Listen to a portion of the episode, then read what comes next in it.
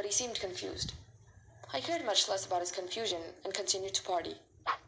The following day I decided to visit my neighbor and asked him about the black house, yet he didn't know what I was talking about, although his house was right next to it.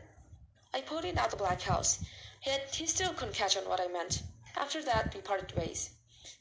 Entering my house, I asked my wife about the black house next to our house, and her answer shocked me. A black house? Nothing there. It's just an empty lot. Ouch, you must be tired, dear. I was totally baffled and decided to take a look at the window. There, I saw a black figure with its eyes staring directly at mine. It was so terrifying and sudden that I decided to take a nap early. This black figure kept showing up inside the house when I took a peek. It kept watching me as I did my daily activity. This feeling of being watched happened almost a week, and it almost drove me mad because I was the only one that reacted to this. The black